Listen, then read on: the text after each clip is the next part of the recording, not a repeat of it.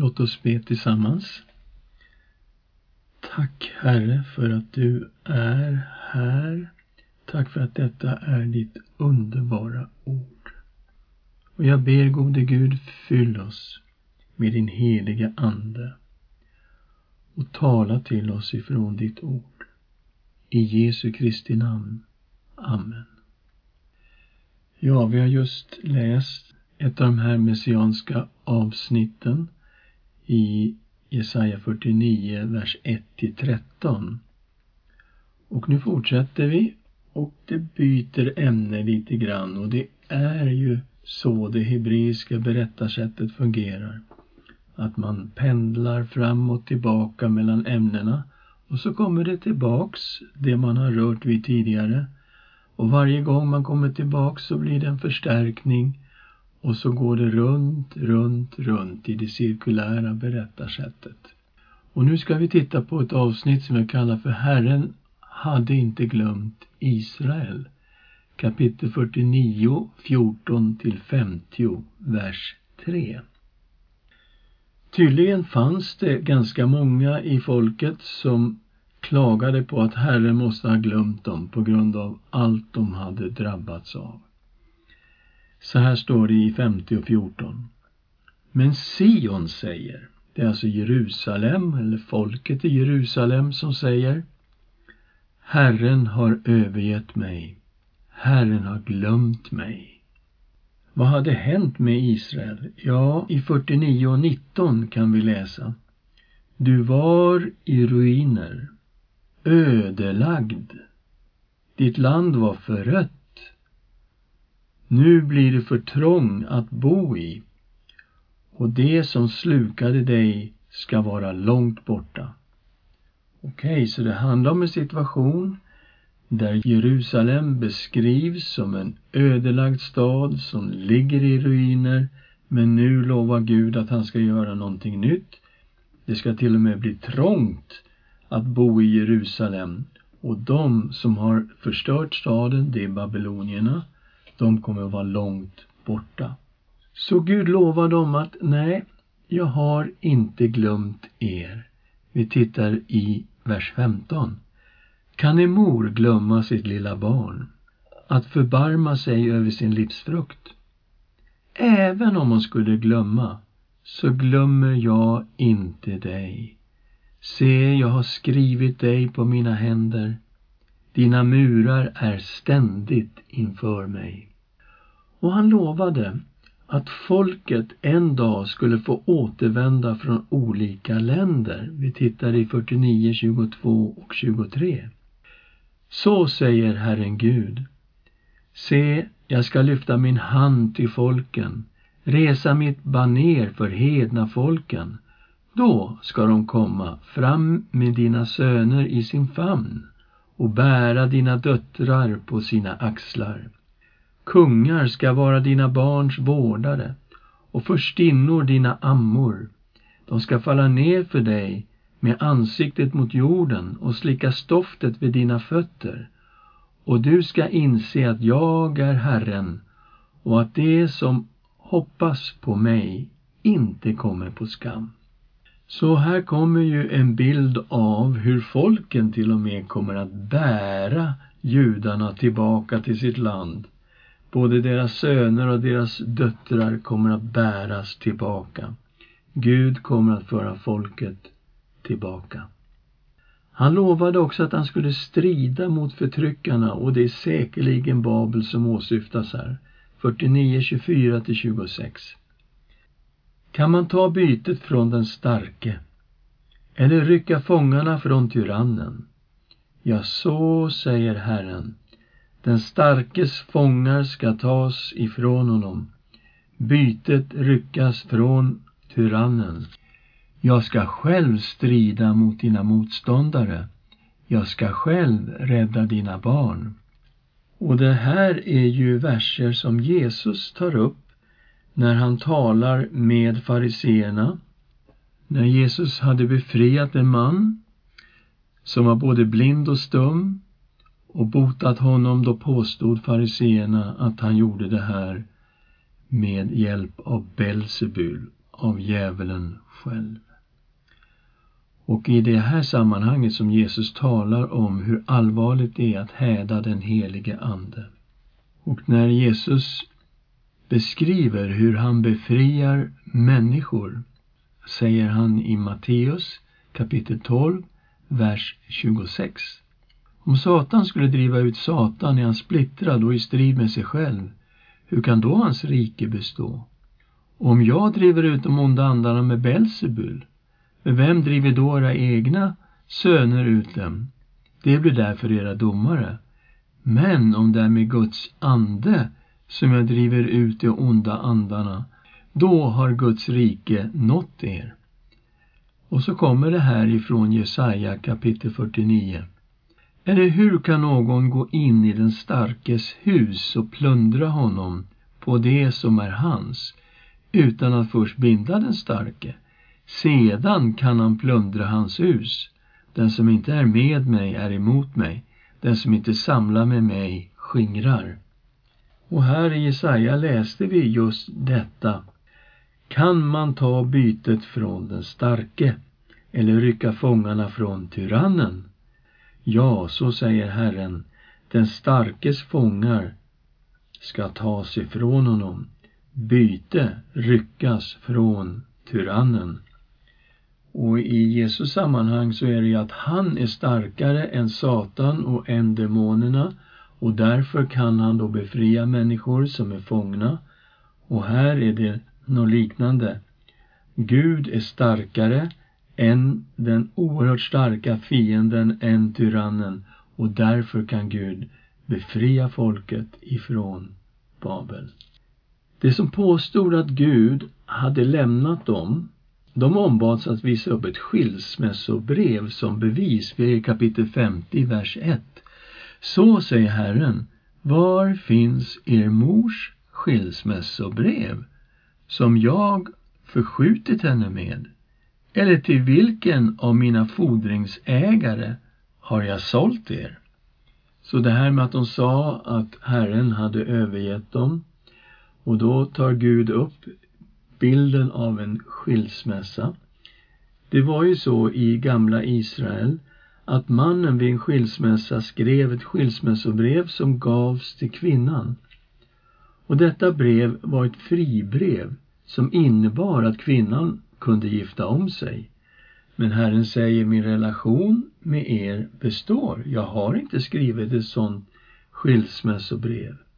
Och att de drabbats av Guds dom, det berodde inte på Gud utan enbart på deras egen synd. Kapitel 50, vers 1, andra delen. Se, för era missgärningar blev ni sålda och för era brott blev er mor förskjuten. Gud hade ropat på dem, ofta och många gånger och med hög röst, men de hade inte svarat. Kapitel 50, vers 2. Varför var ingen där när jag kom? Varför svarade ingen när jag ropade? Är min arm för kort för att friköpa er? Eller har jag ingen kraft till att rädda? Se, genom min befallning torka ut havet och gör strömmarna till öken. Så Gud hade ju alla möjligheter att befria dem. Men som vi har sett genom hela Jesajas bok, det enda som kunde rädda Israel var att de lämnade avgudarna, omvände sig från synden och följde Herren. Men det var det de inte hade gjort och det var på grund av deras egen synd som all det, allt detta hade drabbat Israel. Och nu kommer vi till ett nytt avsnitt om Herrens tjänare. Och den här gången kommer vi att möta en förföljd tjänare som möter väldigt mycket motstånd. Kapitel 50, vers 4 till 11 och det här är ju den tredje texten som är rent messiansk och som handlar om Herrens tjänare som en person. Kapitel 50, vers 4. Herren Gud har gett mig en tunga med lärdom så att jag förstår att hjälpa den trötte med mina ord. Han väcker varje morgon mitt öra. Han väcker det till att lyssna som lärjunge. Så det kommer finnas någonting i tjänarens ord som hjälper de trötta och de svaga. Och det här är ju kvarlevan som följer Herren som får möta detta. Och vi tittade ju på det här tidigare i Matteus kapitel 11 där vi ser att Jesus också använder de här begreppen som har att göra med kvarlevan och det övriga folket. I 11.25 så hör vi Jesus be en bön som är mycket ovanlig, som vi kanske aldrig hört någon be i våra kyrkor. Vid den tiden sa Jesus, jag prisar dig för himmelens och jordens Herre, för du har dolt detta för de visa och kloka och uppenbarat det för små barn. Ja, far, så var din goda vilja. När hörde vi senast någon ställa sig upp i församlingen och prisa Gud för att han har dolt sanningen för den här gruppen människor? Mycket ovanlig bön. Men Jesus prisar Fadern för att han har dolt detta för de visa och kloka. Vilka var de? Ja, det var ju fariseerna. Det var de laglärda, det var prästerskapet. Det var människor som visste mycket om Gamla testamentet, men de såg ingen plats för Jesus Kristus. De hade stängt sina hjärtan och sanningen var dold för dem. Men Jesus prisade också Fadern för att han hade uppenbarat det för de små. Och det var vanliga människor, som du och jag som kom till Jesus med ett öppet hjärta. För dem blev sanningen uppenbarad. Vad är det för sanningar? Det var sanningen om Gud. Allt har min fader överlämnat till mig. Och ingen känner sonen utom fadern. Inte heller känner någon fadern utom sonen. Och den som sonen vill uppenbara honom för. Så, det är bara fadern som känner sonen och han känner honom väldigt bra. Och det är heller ingen som känner fadern förutom sonen. Och så finns det tydligen några fler som känner fadern. Det är den som sonen vill uppenbara honom för. Så när vi kommer till Jesus får vi möta Gud i Jesus Kristus. Och här i Jesaja så läste vi i kapitel 50, vers 4 att tjänaren hade fått en tunga med lärdom så han förstår att hjälpa den trötte med sina ord. Och här i Matteus 11.28 fortsätter texten så här. Kom till mig, alla ni som arbetar och är tyngda av bördor, så ska jag ge er vila. Ta på er mitt ok och lär av mig, för jag är mild och ödmjuk i hjärtat. Då ska ni finna ro för era själar, för mitt ok är milt och min börda är lätt. Ja, tjänaren hade verkligen fått ord som han kunde trösta och styrka den trötte med. Tjänaren skulle förföljas. Det var ingen enkel uppgift som väntade tjänaren. Han skulle hånas, bespottas och bli slagen. 55. Herren Gud har öppnat mitt öra och jag har inte varit upprorisk. Jag har inte dragit mig undan. Jag höll fram min rygg åt dem som slog mig, mina kinder åt dem som ryckte ut mina skäggstrån. Jag dolde inte mitt ansikte för hån och spott. Och vi ser här Messias som led fastän han var rättfärdig och god. Och det här bygger ju upp sen till nästa messianska text som vi möter i Jesaja kapitel 53 med Herrens lidande tjänare. Men Gud skulle ändå vara med tjänaren som blev så förföljd. Han skulle ge honom styrka. Kapitel 50, vers 7 till 9. Herren Gud ska hjälpa mig. Därför behöver jag inte skämmas. Därför gör jag mitt ansikte hårt som sten. Jag vet att jag inte kommer på skam. Den som förklarar mig rättfärdig är nära. Vem vill då gå till rätta med mig? Låt oss träda fram tillsammans. Var är min motpart? Låt honom komma fram till mig. Se, Herren Gud kommer att hjälpa mig. Vem ska då döma mig skyldig? Det ska alla slitas ut som kläder, mal ska förtära dem. Och vi ser här framför oss den förföljde, lidande Kristus. Vi läser om det evangelierna. Hur han blev piskad, hur han blev slagen, hånad och bespottad. Och hur de till slut korsfäste honom. Men Herren hjälpte honom och var med honom hela tiden. Tjänaren var ju ett exempel för andra. Vi ser styrkan hos Herrens tjänare kapitel 50, vers 10 och 11. Vem bland er fruktar Herren och hör hans tjänares röst? Och här möter vi kvarlevan igen. Det finns några som fruktar Herren och som hör tjänarens röst.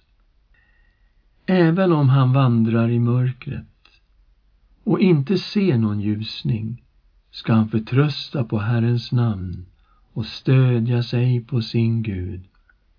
Men ser ni alla som tänder eld och omger er med brinnande pilar? Ja, det är den andra gruppen i Israel, de som hade vänt sig bort från Herren och som inte följde honom. De sköt brinnande pilar mot tjänaren. Och det är sådana här pilar som man sköt när man belägrade en stad. Så sköt de brinnande pilar för att tända eld på staden. Med brinnande pilar vandrar ni i lågorna. Från er eld bland de brinnande pilar ni tänt av min hand ska detta drabba er. Ni ska ligga i plågor. Så motståndarna, de som förföljde tjänaren, de kommer att få sin dom. Men vi ser här också att det finns två grupper. Och det finns en grupp, vem bland er fruktar Herren och hör hans tjänares röst? Och vad är det man hör? Jo, man ser en tjänare som fast han vandrar i mörker, fast han inte ser någon ljusning, så förtröstar han på Herrens namn och stöder sig på sin Gud. Han är trofast Herren och som aposteln Paulus sa i Filipperbrevet 2, han ödmjukade sig och var lydig intill döden, döden på korset. Och vi kommer nu till ett avsnitt som vi har kallat Herren lovade att återupprätta Jerusalem från 51.1 till 52.12. Och vi börjar igen här nu med kvarlevan som uppmanades att höra Guds röst. Och vi behöver påminna oss lite grann om detta med kvarlevan igen och se hur vi har fått detta med att höra Guds röst. Och det har vi tagit från kapitel 6 i profetens kallelse och där Herren talade till profeten ifrån vers 9. Han sa, gå och säg till detta folk, ni ska höra och höra men inte förstå. Och ni ska se och se men inte fatta. Förhärda detta folks hjärta Gör deras öron döva och deras ögon blinda så att de inte ser med sina ögon eller hör med sina öron eller förstår med sitt hjärta och vänder om och blir botade. Så det här är alltså en nyckel till hela boken. Att profeten Jesaja skulle tala till ett folk som skulle höra men ändå inte höra. Som skulle se men ändå inte se och som skulle förhärda sitt hjärta och inte vända om till Herren. Vers 11. Då frågade jag, hur länge, Herre? Hur länge, Gud, kommer den här bedrövliga situationen att bestå? Och Herren svarade, tills städerna blir öde och ingen bor i dem. Husen blir utan folk och landet ligger öde och övergivet. Herren ska sända folket långt bort och ödsligheten blir stor i landet. När bara en tiondel är kvar i det ska även den ödeläggas. Men liksom en terebint eller en ek lämnar kvar en stubbe när den fälls, ska den stubben vara en helig säd. Så Guds domar skulle gå över Israel och Juda på grund av synden och skulle inte vända om till Herren. Och landet skulle bli helt ödelagt, men Herren hade fortfarande underbara planer för den här stubben. Det fanns en helig säd i stubben. Och med det i ryggen går vi tillbaka till kapitel 51. Och vi läser vers 1. Hör på mig, ni som strävar efter rättfärdighet, ni som söker Herren. Se på klippan ni uthuggna ur och på gruvan som ni grävs fram ur. Se på er fader Abraham och på Sara som födde er. För jag kallade honom när han var ensam och välsignade och förökade honom. Så, nu vänder han sig till kvarlevan, de som strävar efter rättfärdighet, de som söker Herren. Och han säger, tänk på ert ursprung, var ni kommer ifrån. Och så tar han fram Abraham och Sara och säger, det är dem ni ska titta på. Jag kallade ut Abraham när han var ensam och jag välsignade honom och förökade honom. Ja, han tröstar Sion. Han ser med medlidande på alla dess ruiner. Han gör dess öken lik Eden, dess ödemark lik Herrens lustgård. Fröjd och glädje ska höras där inne, tacksägelse och lovsångsljud.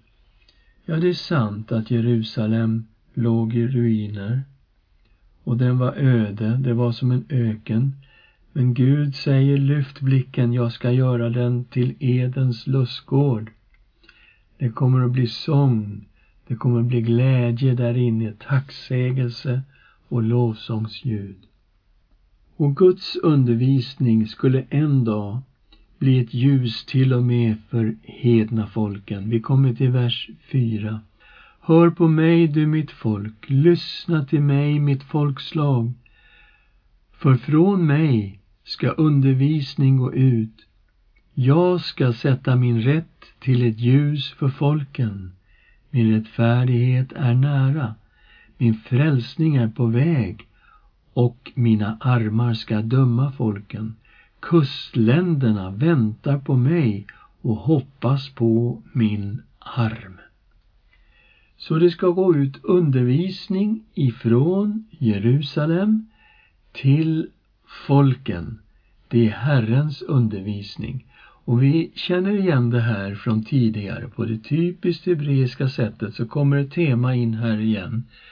Och vi hittade detta så alltså tidigt som i kapitel 2 där Herren talar om hur det ska bli i Jerusalem i den yttersta tiden. Alla hedna folk ska strömma dit, många folk ska gå iväg och säga Kom, låt oss gå upp till Herrens berg, till Jakobs Guds hus.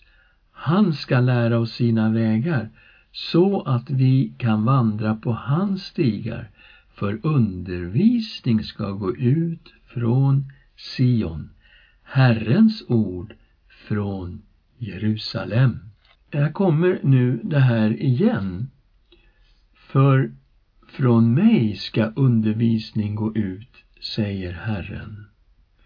Och jag ska sätta min rätt. Och när vi hör att det handlar om Guds rätt som ska återupprättas, då hör vi också ett eko ifrån den första av de här tjänaravsnitten, kapitel 42 som ju också är helt messianskt.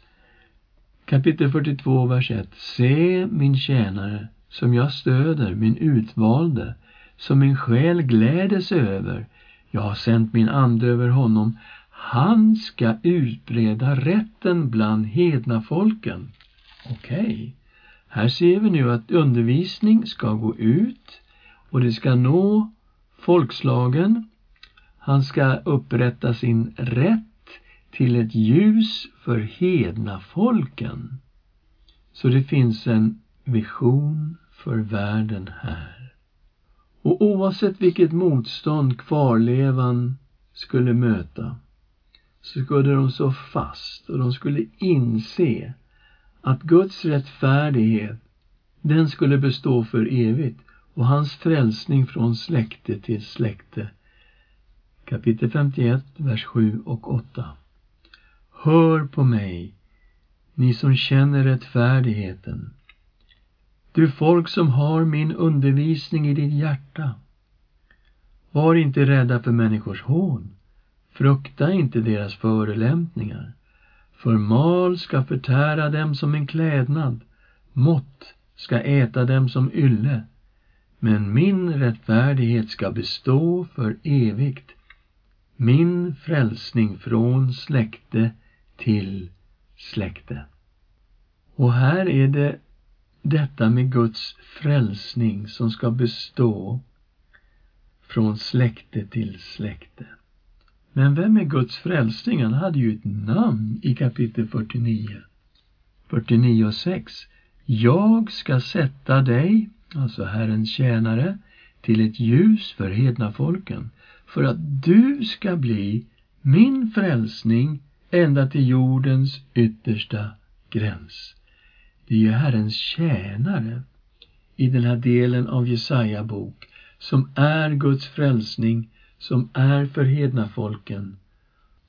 Och det är genom Jesus Kristus som Guds frälsning ska gå till folken och bestå från släkte till släkte.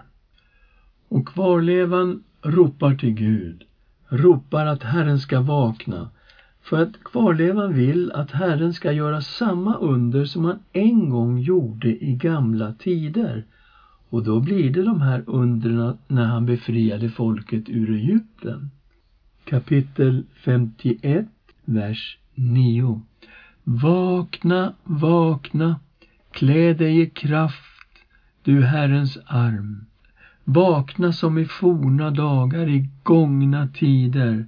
Var det inte du som högg Rahab i bitar, som genomborrade draken? Och Rahab, förstår vi här från kapitel 30, vers 7, är ett begrepp för Egypten. För Egyptens hjälp är förgäves och till ingen nytta. Därför kallar jag Egypten Rahab som inget uträttar. Och här kommer ropet ifrån kvarlevan att Herren ska vakna och göra igen som han gjorde en gång i gångna tider när han högg Egypten i bitar.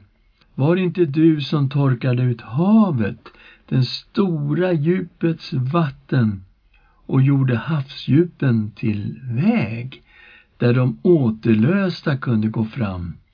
Och här har vi detta vid Mosetid när Herren delade Röda havet och Israels folk fick tåga rakt igenom på torr mark. Och här blir det igen då att på samma sätt kommer folket nu att befrias ur Babel och de ska tåga ut därifrån. Vers 11.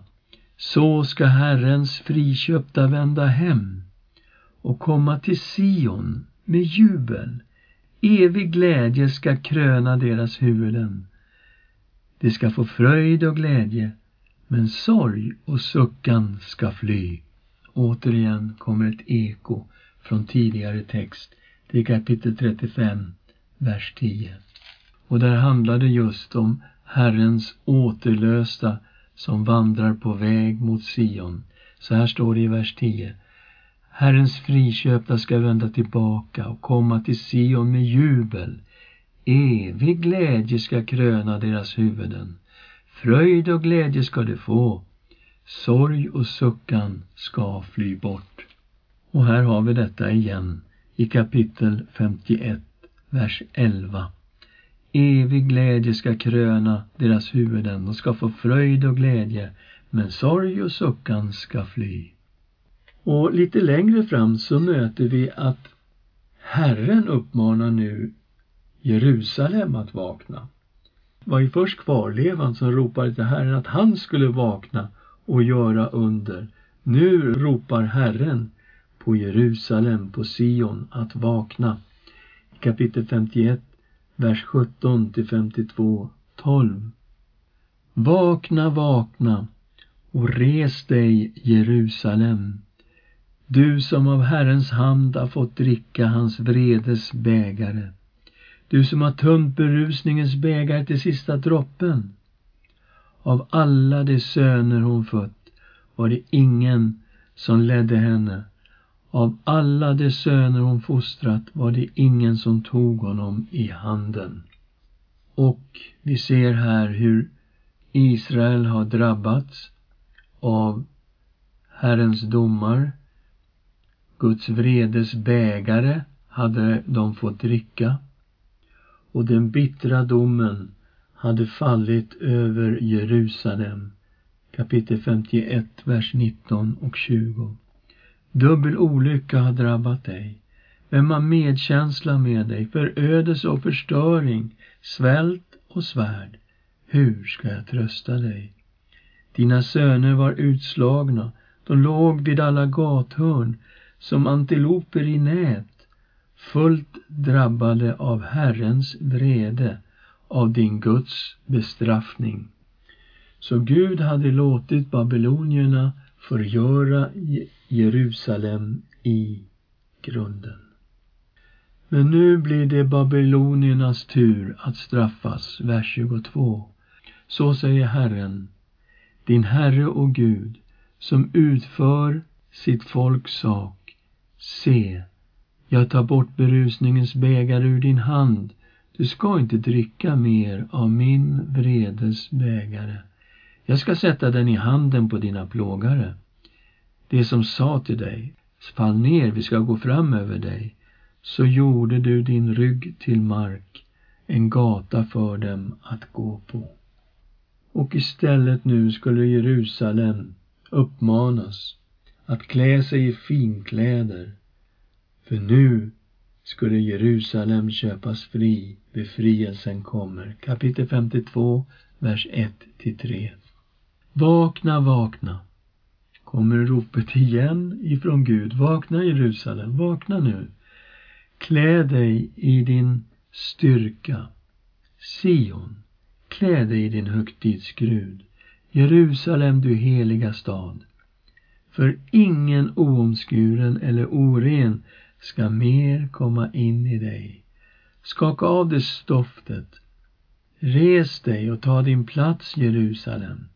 Lös banden från din hals, du fångna dotter Sion. För så säger Herren, ni blir sålda för ingenting och ni ska också bli återlösta utan pengar.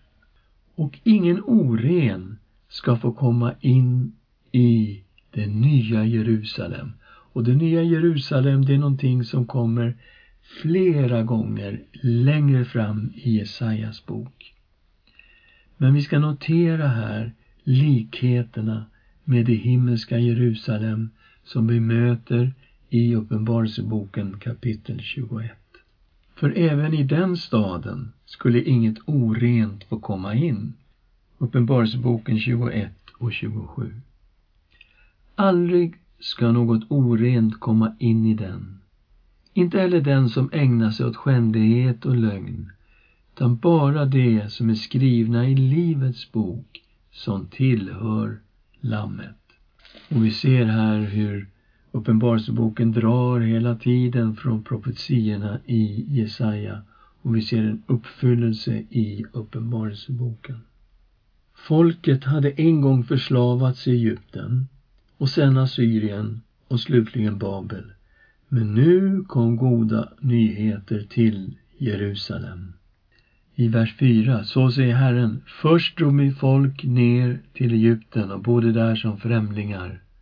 Det var första fångenskapen där de var som slavar i Egypten innan Herren befriade dem. Sedan förtryckte Asur dem utan orsak och det var Syrien som tog hela det norra riket i fångenskap in i Assyrien och som också invaderade Juda år 701 under profeten Jesajas tid. Vers 5. Vad har jag nu här, säger Herren.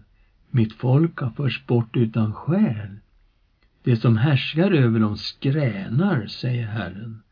Och mitt namn hånas ständigt dagen lång. Därför ska mitt folk få känna mitt namn. Därför ska de på den dagen förstå att jag är den som talar. Här är jag. Så nu kommer det att komma en befrielse ifrån Babel där de nu var fångar. Och vi läser vers 7. Hur ljuvliga är inte glädjebudbärarens steg när han kommer över bergen och förkunnar frid, bär fram goda nyheter och förkunnar frälsning och säger till Sion, din Gud är kung.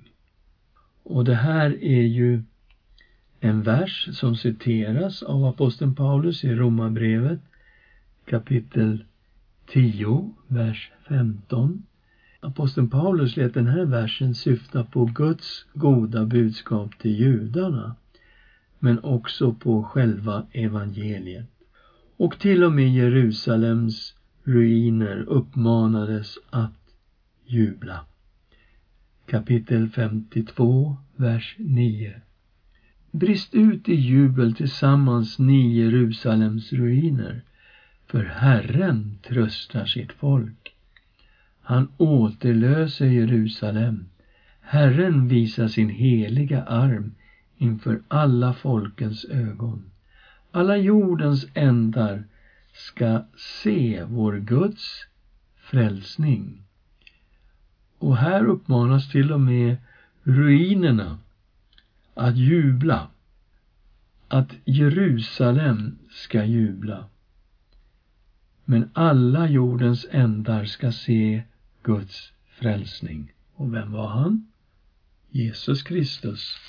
Kapitel 49, vers 6. Jag ska sätta dig till ett ljus för hedna folken, för att du ska bli min frälsning ända till jordens yttersta gräns. Så Gud kommer att göra någonting som är direkt kopplat till Jesus Kristus. Och det nästa avsnitt som vi kommer att gå in i, det är ju det som handlar om Herrens lidande tjänare. Som är kanske det avsnittet i Jesajas bok som har helt genomsyrat Nya testamentet och förståelsen av Jesu Kristi offer för våra synder. Och här får alla folk veta, alla jordens ändar ska se vår Guds frälsning. Låt oss be tillsammans.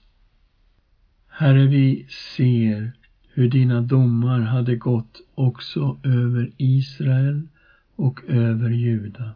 Och det var på grund av deras egen synd som de hade förts i fångenskap till Babel. Men nu ser vi också profetierna kommer här, hur du kommer att straffa babylonierna och vi vet att du gjorde det genom persierna. Och vi ser hur du ska befria ditt folk ur Babel och föra dem tillbaka till Jerusalem och att staden ska få byggas upp. Men vi ser också profetier som pekar rakt in i Nya testamentet. Med dig, Herre Jesus Kristus, som är Guds frälsning till jordens yttersta gräns. Vi tackar dig för alla dina profetier och alla dina löften som har fått sitt ja och amen i dig, Jesus Kristus, vår Herre. Amen.